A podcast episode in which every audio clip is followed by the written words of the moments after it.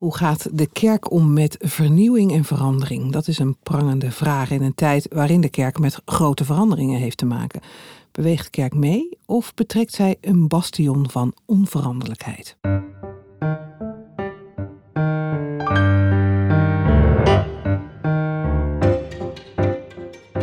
De Theologie-podcast gaat over wat vandaag speelt in kerk en theologie. De Theologie-podcast wil delen, inspireren en verdiepen. Dominee Wilbert van Iperen, die weet daar iets van, van verandering en hoe we daarmee omgaan. In 2000 werd hij predikant in Ommeren. In 2005 werd Barneveld zijn standplaats. Hij promoveerde met een proefschrift over de rol van het Evangelisch Werkverband in de protestantse kerk. En sinds 2018 is Wilbert van Iperen klassespredikant. Een soort bisschop, zou je kunnen zeggen. En als klassespredikant staat Van Iperen met zijn neus bovenop de trends en de ontwikkelingen in de Nederlandse kerken en vooral dan op de Veluwe, waar hij werkt. We gaan eh, in gesprek met Wilbert over dat thema dat goed bij hem past: verandering en vernieuwing in de kerk. Welkom, Wilbert van Iperen. Dankjewel. Ik was eigenlijk wel benieuwd, hou jij van verandering of ben je meer iemand die daar even wat tijd voor nodig heeft en dingen toch liever een beetje houtvasten zijn? Nou, ik ben wel snel in voor, voor nieuwe dingen. Uh, dus, dus ik hou wel van verandering. Ja. Uh, heb tegelijkertijd ook wel heel veel liefde voor, voor wat beproefd en wat mooi is. En, uh, dus kijk bijvoorbeeld naar klassieke muziek of klassieke kunst. Uh, ja, dus verandering, maar toch ook wel met vasthouden aan, aan wat waardevol is. Ja, ja dus dat is wel een heel politiek antwoord ja, meteen. Hè? Ja, wat moet ik hier nou mee? wat moet je daarmee? Ja. Ja. Dus nu je vier jaar klassispredikant bent, ben je al voorzichtig een beetje aan het vooruitkijken van wat kan er allemaal nog veranderen in de klassis en uh, of veranderen in je eigen positie? Nou, ik heb altijd wel de neiging om er wel wat vooruit te denken, inderdaad ook van, van waar, waar liggen ook nog weer uitdagingen om, om wat te doen. Uh, tegelijk merk ik nu wel als klassespredikant, ben ik natuurlijk erg afhankelijk van de gemeenten waar ik mee in gesprek ben. En mijn mogelijkheden om daar te veranderen zijn natuurlijk heel beperkt. Ja. Uh, ik ga daar niet met een hele grote agenda naartoe van jullie moeten nu eens dit gaan doen of daarover. Uh, dus ik probeer vooral uh, in mijn contact met de gemeente probeer ik met hen in gesprek te gaan van nou waar staan jullie nu? hoe gaat het met jullie? Dat vind ik een hele wezenlijke vraag. Uh, dus ook de diepere vragen met kerkraden daarover in gesprek komen. Wat, wat bezielt je als ambtsdrager? Waar, waar klopt je hart voor deze gemeente? En ik zeg altijd, ik probeer ook wat aan de andere kant van het bootje te gaan hangen in zo'n gesprek. Mm. Om, om te kijken van nou, waar, waar zitten voor jullie ook mogelijkheden om uh, misschien toch eens een keer het net over een andere boeg te gooien. Als dat uh, Johannes 23. 21. Uh, 21, 21 ja. Even terug naar het, klassespredikant. Dat is vier jaar geleden heeft de protestantse kerk dat ingevoerd. Uh, velen hoopten dat, dat dat ook een bisschop zou gaan worden. Want ja, daar hadden we zo'n behoefte aan. Tenminste, ik spreek maar even voor mezelf. Um, jij bent nu vier jaar klassespredikant. Uh, ja, voel je je een beetje die protestantse bisschop? Of, of, ben je meer een soort ambtenaar in dienst van het hoofdkantoor? Wat is het geworden? Nee, elke avond leg ik mijn mijter op mijn nachtkastje. Ja. Je zet je staf aan de kant. En ik zet mijn staf aan de kant. En dan nee, zeg ik zo, dat was weer een mooie dag. Ik heb dag. het over de innerlijke bisschop, okay. Ja, nee, dat is het goed. ja. Uh, uh, ja, ben ik een bisschop? Als je natuurlijk naar het woord bisschop, dat komt van, uh, van episcope, uh, van, van opzicht houden, toezicht houden, herder zijn. Herder voor de herders. herder voor de herders. Ehm, in die betekenis zeg ik ja, voel ik me soms wel een bisschop en vaak ook een bisschop. Uh, als ik kijk naar wat, wat daar natuurlijk ook wat aan kleeft aan het woord bisschop is een, een hiërarchische positie hebben, dan zeg ik eigenlijk toch wel weer met hoofdletters nee. Hmm. Uh, uh, dus episcope. Uh, ik heb Nestlé Aland er nog weer even op nageslagen. Oh ja, dat is een Griekse ja, precies, een Griekse uh, Die we allemaal kennen als theoloog. Uh, ja, en dat is overzicht uber en zorgen vuur. En de, de, staat daar. En dat vind ik wel een mooie, mooie vergelijk of een mooie combinatie die je ook bijvoorbeeld bij, bij, het, bij, bij Barnabas ziet. Hè, die, de, de, zoon van de vertroosting, vermaning en vertroosting. Dat, dat zit ook in dat ene woord. Comfort en challenge zouden we misschien nu zeggen in, in, mm. in, in het niet-Nederlands. Um, maar, maar dat vind ik wel twee hele mooie aspecten van mijn werk. Zo voel ik het werk ook. Als ja. ik me in contact ben met mensen, comfort en challenge. Dus soms troosten, maar ook wel uitdagen. Dus Ja. dan zitten we eigenlijk weer op dat punt waar we net zaten. Als ik er van buiten naar kijk, ik chargeer nu even, dan krijg ik vooral de indruk dat uh, de klassespredikanten voornamelijk bezig zijn met heel veel vergaderen. En eigenlijk een deel geworden zijn van een structuur waarvan ik me als gewone dominee wel eens afvraag, wat heb ik daar eigenlijk aan? Hm. En wat heeft de kerk er eigenlijk aan? Dat is niet heel aardig gezegd, hè? maar wel even nee. om aan te geven van Mijn domineesperspectief, dat van Mark is misschien wel anders. Uh, voor gemeenteleden is het nog weer anders. Maar kan je daar iets bij voorstellen? Ja, kan ik me voorstellen. Ik hoop dat de ervaring die kerkraden met hun klassespredikant uh, hebben, dat die uh, een, een, ander zicht daarop geven. Oh. Want natuurlijk, ik vergader wel veel, maar dat is ook wat, wat je dan vergaderen noemt. Uh, ik bezoek alle gemeenten één keer in de vier jaar in mijn gebied. en alle predikanten, kerkelijk werkers en pioniers ja. krijgen van mij een bezoek. En dat bezoek gaat echt over de diepere vragen rondom waarom ben je ambtsdrager? Waarom ben je gemeente op deze plek? En wat zijn daarin je bronnen? Wat is daarin je inspiratie? Uh, en, en ja, dat zou je vergaderingen kunnen noemen, maar dat vind ik eigenlijk meer nou, geloofsgesprekken of uh, gesprekken rondom nou, de bronnen van je geloof. Uh, waar ruimte is voor, voor vreugde en voor zorg, om het zo te zeggen. Ehm, dus dat is een groot deel van mijn werk. Hmm. elke week zit ik één of soms twee keer minstens bij een kerkraad en, en, en, een aantal predikanten of pioniers of kerkelijk werkers thuis. Dat is de ene kant. De, de andere kant zijn de bezoeken naar gemeen, bij gemeenten waar iets speelt. En, en dat kan zijn van een eenvoudig iets tot, tot een conflict of een. een uh, ja, is dat vergaderen? Uh, nee, ook dat is denk ik uh, een stukje op weg gaan met deze mensen. Om te mm. kijken van hoe kunnen we ruimte vinden om te komen tot verzoening of tot een opening of tot een nieuwe weg. Ehm, nou, stand. ja. kan, je daar, kan je daar een beetje tussen komen? Want ehm, ik ben zelf afkomstig van de Veluwe. En mensen zijn daar soms tegen mensen die van buiten komen ook wel een beetje wantrouwend. En zeker tegen hiërarchische verhoudingen. Want uh, ook al ervaar je het zelf misschien zelfs hiërarchisch, je hebt natuurlijk wel een bepaalde titel die je met je meebrengt, een bepaalde autoriteit. Kom je daar een beetje tussen op de Veluwe? Ja, en ik moet zeggen, wat, wat vaak wel helpt is. Uh, dat ik al een regulier bezoek uh, afgelegd heb in zo'n mm. gemeente. Dus ik ben gewoon een keer bij hen op bezoek geweest. Je kent ze. ik ken ze, ik ken de voorzitter, ik ken de predikant, de kerkraad. Uh, dat zijn vaak, uh, nou wat ik net zei, dat zijn ook gesprekken waar het gaat over de, over de diepere lagen. Uh, een geloofsgesprek. Dus als je dan die link al hebt met mensen, dat kan heel erg helpen als er iets is om ook het contact met mij te zoeken.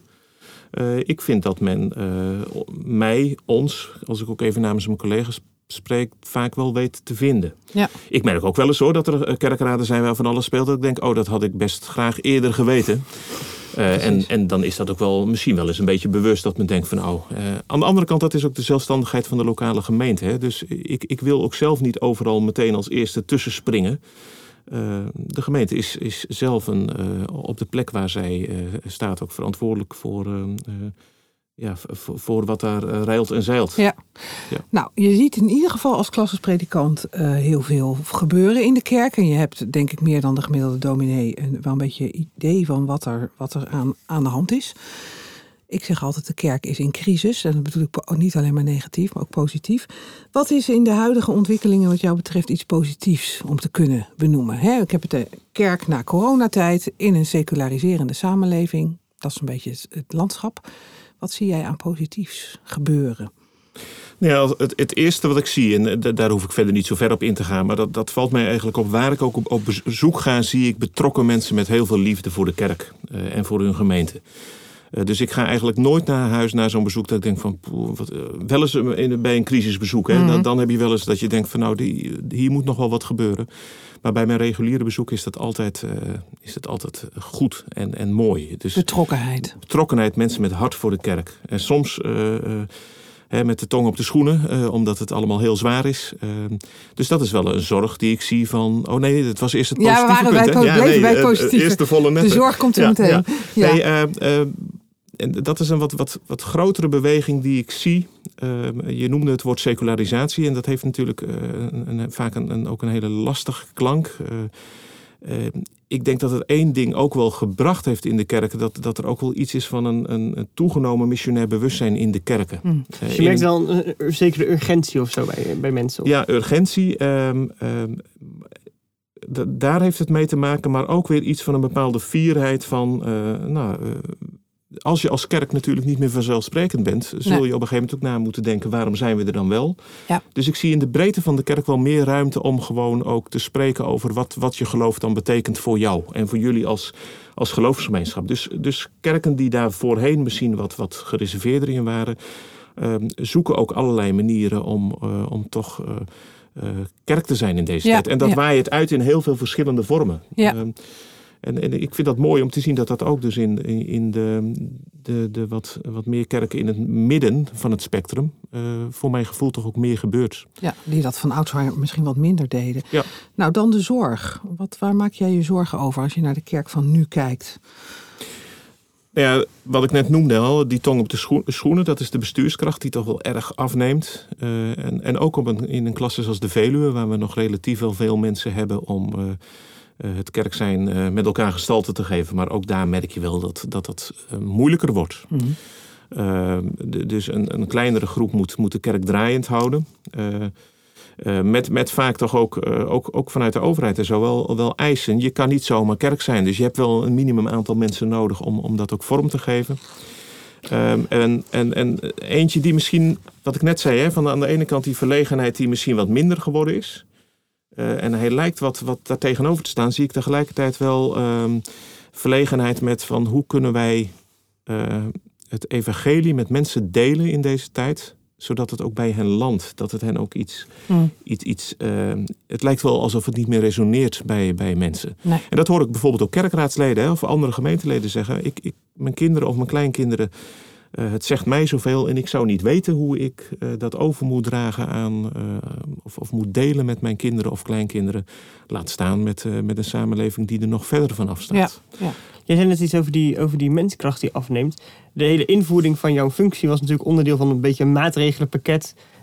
Kerk op weg naar 2025, waar, waar, naar 2020, waarbij juist de bestuurlijke lagen een beetje werden uitgedund om dat op te vangen. Maar zeg je ook van dat is eigenlijk te weinig gebeurd, er moet nog verder naar de kern terug worden gegaan? Nou, ik, ik zie daar ook wel stappen in gebeuren. Maar dan praat ik wel even iets meer voor de protestantse kerk in Nederland natuurlijk dan voor, de, voor andere gemeenten. Daar kan ik dat iets moeilijker voor, Mm. voor zien. Mhm. Uh, er, er, wordt wel gezocht van hoe kunnen we ook naar kleinere, uh, uh, lichter ingevuld. Dat is een rapport van de Generale Synode waar dat ook in onderstreept wordt. Van hoe kun je toch met minder mensen toch gemeentes blijven. Dus ik denk dat dat nog een gaande beweging is. En dat daar wel steeds meer gezocht wordt hoe, hoe kunnen we dat nog... Uh, nog verder. Uh, kijk, op, op klassikaal niveau, uh, dat is die laag boven de gemeente, merk je wel dat er natuurlijk minder mensen nodig zijn. Of je 75 klasses te vullen hebt met, met bestuurders en, en leden, is nog wat anders dan 11, zoals nu de situatie is. Ja. Dus daar is wel een slag geslagen. Ja, ja. Waardoor tegelijkertijd de klasses wel meer op afstand van de lokale gemeente is komen Ja, te staan. ja, nou eerlijk gezegd kan mij dat niet zoveel schelen. Maar goed, dat, is, dat is mijn opvatting. Nee, nee. Coronacrisis hebben wij nog niet achter de rug, maar soms lijkt het er wel bijna op. Uh, dat heeft, merk ik, op lokaal niveau echt wel ook grote invloed gehad op gemeentes. Uh, wat, wat kan jij daarover zeggen vanuit jouw blik als klassespredikant? Wat zie jij, daar, wat zie jij als gevolgen van die, van die pandemie? Ja, ik vind dat nog een, een heel wisselend beeld waar ik nog moeilijk precies de vinger op kan leggen. Gemeentes zijn daar ook nog zoekend in, merk Mhm. ik. Uh, ik hoor wel heel vaak dat mensen zeggen: uh, we, we, zijn niet uh, uh, bij de aantallen die we hadden als we over kerkdienstbezoek Ja. hebben, die, die we daarvoor hadden. Nee. Men heeft geïnvesteerd in, in beeld en geluid, uh, wat ook mogelijk het gevolg heeft dat mensen het ook makkelijker en prettiger vinden om thuis de dienst bij te wonen. En daar hoor ik wel dat mensen, vooral de, dan de betrokken leden, die, die heel blij zijn dat ze weer in de kerk zitten en met elkaar mogen zingen.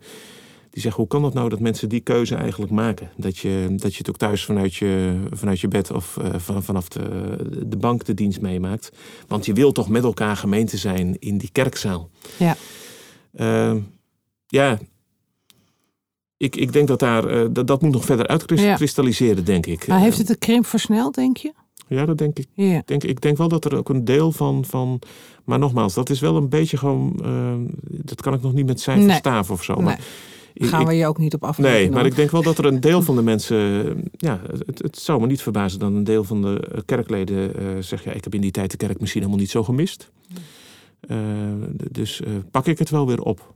Ja. Dat zou best kunnen. Ja, die, een vraag die misschien anders een paar jaar later een keer zou Ja. oppoppen, maar die dan Ja. nu wat eerder voorbij Ja. kwam. Ja. Ja. Ja.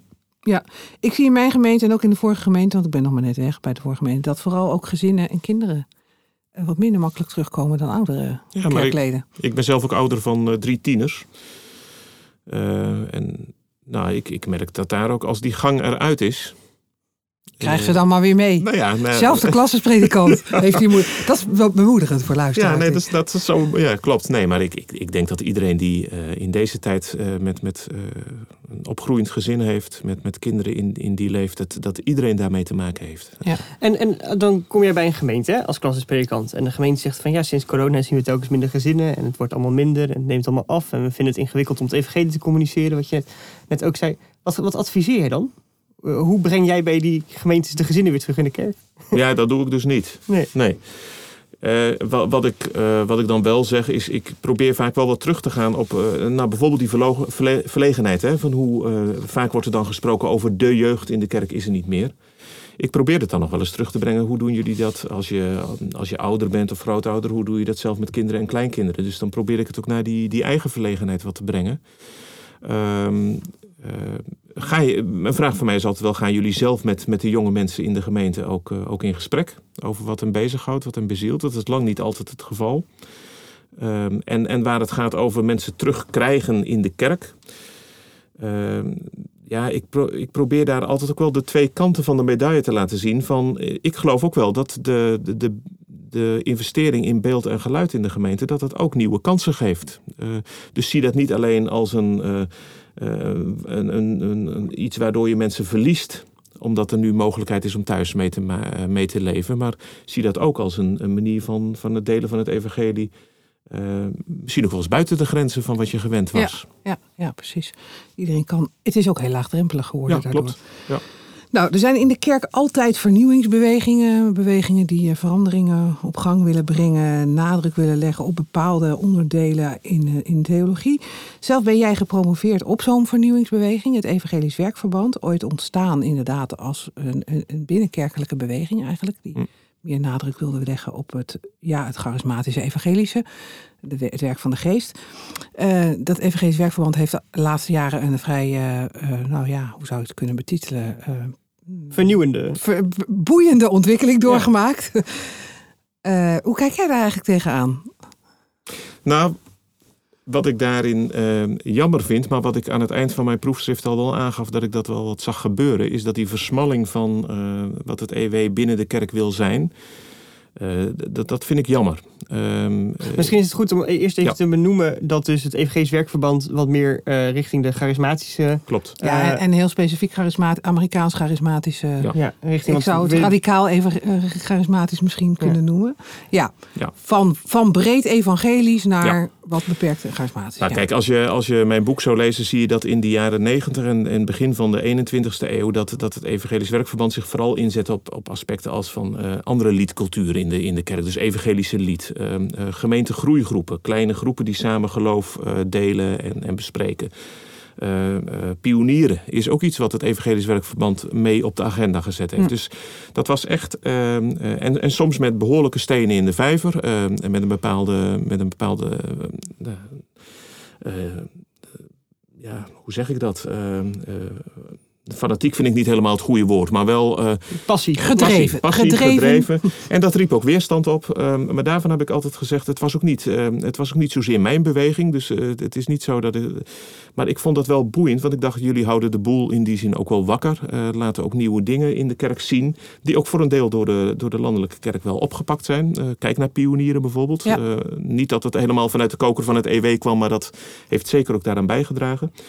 Um, dus ik vind het jammer dat de beweging nu door meer die charismatische koers en daar ook wat radicaler in, uh, erg op de items van, van genezing en bevrijding, um, ook denk een, een deel van de gemeenten waar ze toen wel uh, ingang hadden, ook van zich vervreemd. Ja. Uh, en, um, dus dat, dat vind, ik, vind ik jammer, dat de beweging in die zin minder zichtbaar is in, in de lokale gemeenten. Ik vroeg me zelfs af, uh, is het eigenlijk wel nog wel. Is het eigenlijk nog wel goed dat die verbinding tussen de Protestantse Kerk Nederland en het EW blijft bestaan? Als de theologie zo gaat afwijken en, hè, en de theologie ook nou ja, wat, wat onbarmhartige trekken gaat krijgen. Ja. Uh, moet je dan als protestantse kerk niet zeggen, ja, uh, nou, het, het, was een gelukkig huwelijk of een gelukkige verkering. Maar inmiddels moeten we misschien toch op een gegeven moment afscheid van elkaar nemen. Hoe kijk je daar tegenaan?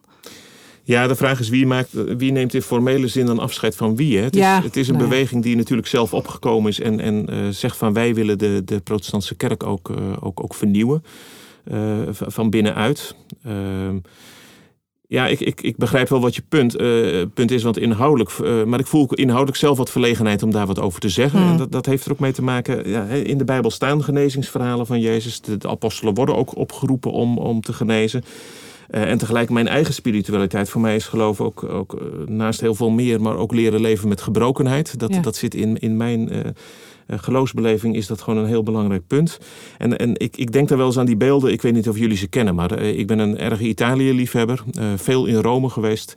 En in de San Pietro, de Sint-Pieter in Rome, heb je dat, dat beeld de Michelangelo, van Michelangelo, de, de Pieta. Uh, Ja. Jezus met Maria op zijn schoot. Waarvan de tenen af en toe moeten worden vervangen omdat dat, iedereen hem aanraakt. ja, dat kan inmiddels niet meer. Nee. Hij is helemaal achter. uh, Oh, Um, en en, en bij, in, bij dat beeld houdt de ene hand van Maria houdt Jezus vast en de andere hand heeft hem al losgelaten. Als je goed naar dat beeld kijkt. Uh, ik, ik vind dat een, een, een, hartverscheurend tafereel ge, eigenlijk. En maar tegelijkertijd gegoten in een, in, in een uh, ongelooflijke schoonheid. En um, als je dan vervolgens kijkt naar een ander beeld van Michelangelo. Een paar, paar kilometer verderop in de Santa Maria sopra Minerva. Daar staat de verrezen Christus. Ja, daar zie je een Jezus staan met een kruis in zijn hand, heel stoer, bijna sensueel. Kijk mij hier staan, ik heb de dood overwonnen. En dan merk ik van, ja, ik blijf bij, bij de pieta blijf ik staan. Mm -hmm. Bij die gebrokenheid mm. en bij die... en, en, ja, en, en, en bij die verrezen Christus krijg ik ook het gevoel van... Ja, waar is hier nog de pijn? Waar zijn hier nog de wonden? Mm. En dat is wel boeiend, want zo kan je dus inderdaad zeg maar een theologische basis van één zo'n modaliteit in de PKN, zo'n groep, Evangelisch Werkverband, ook plakken op um, zeg maar hoe het er met de kerk als geheel voor staat. Hè? Want er is gebrokenheid in de kerk, secularisatie, vergrijzing. Uh, en er is geen magisch middel om dat op te lossen. En tegelijkertijd is het altijd balanceren in de kerk, om de titel van jouw dissertatie ja. aan te halen. Dat je ook het geloofsvertrouwen mag hebben dat het niet de kerk is van de klassispredikanten of van de nee. gemeentepredikanten, mm. maar dat het de kerk van Christus is. En dat hij met zijn geest ook daardoorheen wel blijft waaien. Hè? Dus het is balanceren, dus aan de ene kant de gebrokenheid erkennen. En ook zoeken naar Gods stem, denk ik. Nou, ik merk dat dat op een gegeven moment voor mij de kunst daarin wel geholpen heeft. Hetzelfde zie ik bij de muziek. Uh, ik zet liever de Matthäus Passion op dan, uh, dan Mozart. Hoe mooi ik Mozart ook vind. Maar bij Mozart denk ik op een gegeven moment... ja, maar nu is alle vrolijkheid ja, ook wel weer eens een keer... Het is soms wel wat oppervlakkig. Ja, laten we... Dus die basso continuo in, in, in de Matthäus Passion... constant die, die zware bas daaronder. De, de, de dreiging die daar ook in klinkt. En tegelijkertijd de schoonheid die ook alles weer overstijgt. Want dat is wel uiteindelijk mijn geloof en, en ook mijn verlangen voor de kerk uiteindelijk zal die schoonheid ook wel, die is er nu al, mm -hmm. dus die mogen we nu ook al beleven, die mogen we al vieren. En tegelijkertijd zal die schoonheid ook de werkelijkheid zijn. Ja. Um, maar ja, mijn gebrokenheid en de gebrokenheid van de kerk zal, uh, zal voorlopig denk ik niet, niet zomaar opgelost worden. Zit, uh, zit de, de veranderingen die gaande zijn, uh, worden die geholpen door bewegingen zoals het EVE, maar jij bent ook bijvoorbeeld betrokken bij het leernetwerk Change and Church. Is, is, is, moeten we het daarvan hebben? Of moeten we gewoon kijken naar zeg maar, de gewone dorpskerken zoals Mark en, uh, en ik die bedienen? Ja. Uh, en, en moet het daar vandaan komen? Het, het, want ik, dat is ook voor mij echt werkelijk ook een zoektocht. Hè? Dat ik ben me heel erg bewust als predikant. Zijn predikant in een tijd van echt van crisis en verandering. Uh, maar waar komt het vandaan? En hoe, hoe, hoe, hoe dan? Zit het in die bewegingen? Wat, of, of, of waar zit het, wat jou betreft? Ja, volgens mij hebben we in onze tijd gewoon geen eenduidig antwoord. Hè, Wilbert? Nee, ja, nee. uh, Wij dachten in een half uurtje los even de secularisatie-crisis ja. op, maar, uh, ja. nee, maar alles heeft in die zin denk ik met context te maken. Dus het, het, het scheelt nogal of jij uh, het enige, de enige kerk bent in een dorp. Uh, ook in je mogelijkheden, hoe je dat dus missionair uh, uh, of, of ja, missionair of in ieder geval als je plek in zo'n dorp kan innemen. Of je dat in een dorp doet waar je de enige bent, of een dorp waar je met, nou, ik woon zelf in Banneveld. Waar je altijd moet nadenken, zit ik nu op het erf van een andere gemeente? En niet omdat ik zo bang ben voor concurrentie, maar dan is afstemming ook weer een hele andere. Dus ik, ik vind dat zo verschillend uh, van, van de plek waar je, waar je kerk bent, wat daar dan dus ook nodig is. Mm -hmm. Ik denk wel eens dat het soms in veel eenvoudige, dingen zit dan ja. dat, we, dat we met elkaar denken. Oké, okay. dus, noem eens wat. Ja, als ik, als ik in een dorp hoor dat daar. Uh, nou, een voorbeeld in coronatijd was dat. Ik dacht, hoe, hoe, hoe mooi is het om dat te bedenken? Dat je zegt van we mogen niet meer bij elkaar samenkomen in, in, in, in zaaltjes of, of koffie drinken met elkaar. Ik weet helemaal niet meer wie het was en welke gemeente het was hoor. Die heeft zijn oude bakfiets omgebouwd tot een, koffie, uh, tot een koffiefiets. En uh, die, die fietste door de wijk en, en maakte op dat, die manier contact met, met, met de mensen in zijn wijk. Ja, volgens mij is dat al een manier van present zijn als kerk in de samenleving. Ja. Eh, een kerk die een moestuin rondom de kerk eh, inricht eh, om mensen in het dorp een plekje te geven om, om lekker met de handen in de grond te zijn, maar tegelijkertijd ook betrokkenheid op die kerk te hebben. Ehm, en ja, misschien is dit te eenvoudig. Nee. Maar, maar het is maar welk doel je hebt. Kijk, als je zegt van we willen die kerken weer vol en we willen terug naar de tijd van uh, de verenigingskerk, nou dan zeg ik ook, ik weet helemaal niet of ik dat wel wil. Niet uh, terug, maar wel zoeken naar hoe in deze tijd dan kerk zijn. Ja. want ik denk dat de meeste mensen echt ook wel geloven van, ja, die kerk van, blijft altijd staan. De bestaande heer zorgt voor zijn kerk. Maar hoe dan? Ja. En hoe zijn wij dat dan als, uh, in deze tijd? Waarin inderdaad, die vanzelfsprekendheid is er niet meer. Daar kunnen wij niet op zeilen. Nee. Kunnen we wel naar terug verlangen, maar dat is het dan ook. Maar ja, wat dan wel? Hè? Ja. Dat is wel, ja, kijk, en wat wel helpt is denk ik op dit moment dat urgentiebesef bij gemeenten wel toeneemt. Van, uh, want het gaat niet vanzelf. Dus je, je, je zal ook moeten, moeten nadenken over hoe ben ik kerk. Uh, en ik denk dat er nog wel wat meer zou uitgewisseld mogen worden tussen gemeenten. Dus uh, mijn idee is altijd wel hoe mooi zou het zijn dat je als, als traditionele gemeente in een dorp op de Veluwe op een of andere manier een, een verbinding zou hebben met een pioniersplek in, in Hartje Rotterdam. Om, ja. Uh, om toch nog meer van elkaar te leren wat context betekent. Maar ook wat andere contexten misschien ook wel voor jou uh, uh, aan, aan, waarde kunnen hebben. Ja, het is boeiend dat je zegt. We hebben vanuit mijn gemeente dan in Dwingelo een wat meer een dorpskerkachtige context is een groep jongeren naar uh, Moerwijk geweest. Uh, Bettelies Westerbeek heeft daar een pioniersplek, ook rondom een moestuin. En de ervaringen die de jongeren daaruit meenamen, was voor hen een hele nieuwe wereld die openging. Überhaupt de stadscontext, maar ook kerkelijk, wat er daar ook gebeurt, multicultureel kerk zijn. Dus dat, inderdaad, dat werkt Ja. in de praktijk denk ik, eh, denk ik wel. Ja. Kijk, en wat ik wel belangrijk vind, hè, om te, je- zegt hè, van hoe kun je, eh, eh, net zoals zo'n zo'n netwerkje Change in Church, waar ik dan ook wat bij betrokken ben. Ehm, wat het wel mooi is natuurlijk als je mensen vanuit verschillende disciplines naar veranderprocessen laat kijken. Eh, en want, want dat vind ik het leuke daarvan. Eh, daar zit ook een organisatiedeskundige bijvoorbeeld bij. Eh, dat, dat is denk ik gewoon goed om ook elkaars expertise daarin te gebruiken. Ehm, tegelijk, eh, maakbaarheid is altijd wel een risico wat op de loer ligt. Dus ik, Mm. ik denk, er is niet zomaar een methode. Nee. Eh, en, en dan vind ik het ook belangrijk van, van eh, ga in als kerk ook wel steeds in gesprek over wat is, wat is hier onze, is onze kern. En werk vanuit een kern en, en niet zozeer vanuit hekken die je eromheen zet, maar werk vanuit waar ligt onze kern en, en van daaruit. Ja. Even heel kort, want we hebben Ja. nog niet zo heel lang meer. En dus dat, en dit, leent zich eigenlijk niet voor heel kort. Maar dat betekent dus misschien ook dat de landelijke kerk, en daar is de landelijke kerk ook over nadenken, ook veel lichter moet worden. En dat er misschien voor andere vormen meer ruimte moet zijn. Hè? De discussie over wie mag de voorganger zijn. Mag dat ook een kerkelijk werker zijn? Hebben we die hele structuur van die kerkraad nog wel nodig in alle... Nou ja, en ook landelijk heeft de kerk natuurlijk een, eh, wel wat het nodige afgeschud. Hm. Zit het daar ook in? Of zitten we dan eigenlijk ook weer te zoeken op een, op een, op een plek waarvan je denkt, moh, Nou, ik denk dat iets van. eh, de kerkraad is in die zin wel belangrijk in de zin dat je. eh, eh, waarom hebben we ambtsdragers, denk ik, nodig in de kerk? En dat zegt trouwens ook wel dat rapport wat, wat op de synode besproken is. Uiteindelijk is er een aantal taken in de kerk. Nee, ik moet andersom beginnen. Er zijn mensen die worden geroepen. Mensen die roeping ervaren, roepingsbesef hebben en zeggen van vanuit mijn geloof geloof ik dat ik mijn plek in de kerk mag innemen. Eh, nou, daar zitten allerlei dingen nog aan vast, maar eh, dat is roeping. En tegelijkertijd is er ook een aantal dingen die in de kerk gewoon veiliggesteld moeten worden dat die gebeuren om Mm. kerk te kunnen blijven. Ja. Verkondiging van het woord, sacramenten, het pastoraat, diaconaat even. Dus dat je een bepaalde groep hebt die dat garandeert dat dat er is. Dus vanuit roeping, dus niet zomaar, maar vanuit roeping. Ik denk dat dat eh, de- de- belangrijk is dat we daarom de ambtsdrager hebben. Terwijl het begrip ambt in de Bijbel helemaal niet voorkomt. hè. Maar goed, eh, wel om dat te verankeren. Ehm, eh, maar ik denk wel dat we steeds meer de richting op kunnen. Dat hoeft natuurlijk niet een hele grote groep mensen te zijn. Eh, eh, maar in het Nieuwe Testament zie je al die dubbelheid. Aan de ene kant het lichaam van Christus wat uitwaait in heel veel verschillende eh, eh, delen. Niet iedereen hoeft ambtsdrager te zijn om zijn of haar steentje aan die gemeente bij te dragen. Ehm, dus ik zelf hoop in, in, in de toekomst dat een, een, een kleine groep mensen die dat die garantie geeft van, van wat, wat is er in de kerk en wat moet er in de kerk zijn.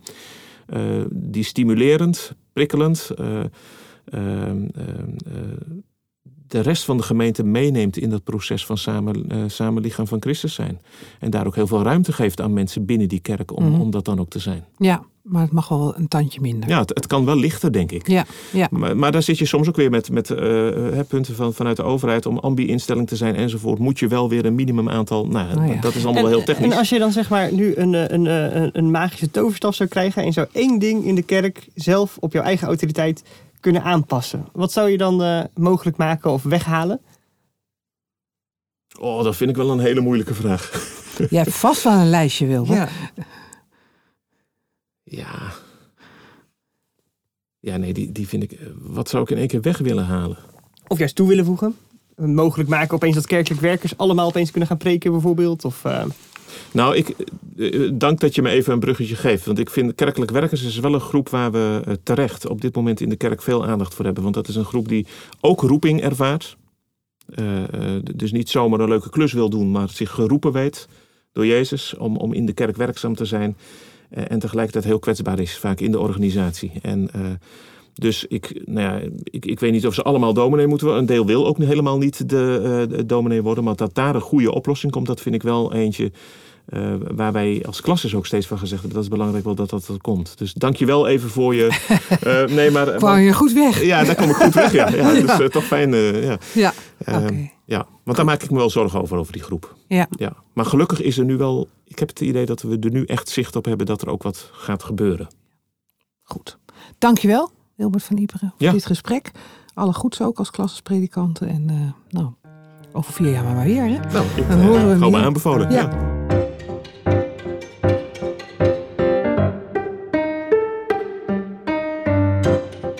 Gaan eh, naar ons nieuwsbulletin. De laatste nieuwsjes uit de uitgeverij. Peter Gorter, jij bent redacteur bij Kok Boekencentrum. Leuk om jou ook hier eh, achter de microfoon te zien. Wat heb je voor ons meegenomen aan nieuws en aan boeken en aan, nou ja, wat je maar kwijt wil?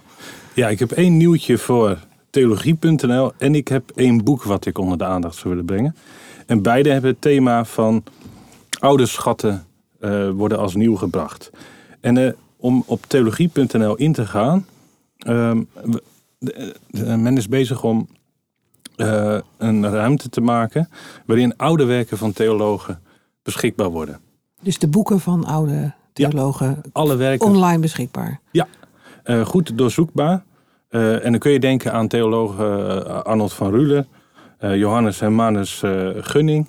Eh, en later volgde hopelijk ook eh, meer. Ja, Eh, en het is eh, voor onderzoek is het ideaal. Maar ook als je als theoloog of als predikant ook meer wil weten over een bepaald onderwerp, zoek je en je vindt het gelijk. Dus als je zo'n hele boekenplank vol hebt met het verzameld werk van Van Ruler, dat kan allemaal straks met oud papier. En dan, eh, Mark.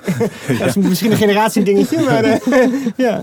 Ja, ja, dat is het eh, treurig. eh, dat is wel treurig, ja, als je het zo vertelt. Maar inderdaad, eh, ja, het is, wordt dan allemaal digitaal beschikbaar. Ja, dat is wel heel mooi, ja. Maar ja. het is ook wel mooi, want die oude delen eh, kun je ook niet meer krijgen. Dus die zijn eh, alleen tweedehands eh, beschikbaar. ja, dus dat wordt ontsloten, deze oude Ja. schat. Wat, wat heb je nog meer van oude schatten die Ja. toegankelijk worden voor ons? Ja, Dichter bij God. Dat is een nieuw boek van Arjan Plezier en Ineke Cornet. En ja, zij constateren dat binnen het protestantisme verstraling heeft opgetreden. We zitten met eh wit gepleisterde muren en we weten eigenlijk niet zo goed. We zitten in ons hoofd als protestant. En zij hebben een boek geschreven van hoe kunnen we weer in aanraking komen met onze zintuigen, ook in de kerk. Ehm, en zij leveren concrete handvatten aan voor een liturgie eh, die geïnspireerd is door het katholicisme en de Anglikaanse traditie. Ja. En spreekt het je aan? Ja, mij wel, ja. Ja, ja ik, eh, zelf merk ik ook wel dat het eh, protestantisme ook ja, nu een bepaalde weg in moet gaan. Eh, ja, en ja, mee met die moderniteit of herijken richting katholieke traditie. En dit boek ja, helpt daarbij. Van hoe geef je die liturgie nou zo vorm dat die liturgie rijker wordt? Ja. Ja. Ik heb, het, ik heb het gelezen en het is ook echt geschreven als een soort liefdesbrief voor de liturgie. Dus als je echt weer nieuwe liefde wil voor een liturgisch fijnproeverij, zeg maar, is het inderdaad, dat wekt het zeker op. En het zijn natuurlijk ook, uh, zeker Arno Plezier, kennen we als een schrijver die enorm mooi beeldend kan, uh, kan schrijven. Maar dat is ook wel een beetje de kwetsbaarheid, vond ik. Het is ook wel echt wel juist ook een boek voor fijnproevers of zo. En ik denk van ja, de, de kerkganger die eh, de livestream van Mozaïek kijkt of zo, die zal, daar zal het misschien een beetje een eindje bij vandaan staan, denk ik. Dat, uh, ja, maar het is wel heel liefdevol geschreven. Ja. Ja, ja nee, dat is. Uh, ja, inderdaad. Het is, uh, het is voor mensen ook ja, die uh, op zoek zijn naar ja, met name traditie en die rijkdom. En ja, als je inderdaad uh, ja, meer richting mozaïek, dan zal het je zeker minder aanspreken. Maar ook probeer zij een verbinding te zoeken met uh, die moderne tradities. Ja. Ook omdat de mozaïek ook aandacht besteedt aan zintuigen. Ja. Dankjewel Peter Gorter voor de laatste nieuwtjes vanuit de uitgeverij. Wist je dat deze podcast onderdeel is van het platform theologie.nl? Daar vind je duizenden theologische blogs, honderden boekrecensies en duizenden artikelen. En u hoorde het net van Peter Gorter ook binnenkort het werk van theologen. Het staan allemaal voor je klaar om te lezen. En als luisteraar hebben we een leuk aanbod voor je. Lees alles op theologie.nl één maand gratis. Ga naar de site, kies lid worden en gebruik de code podcast tijdens je bestelling. Tot ziens op theologie.nl.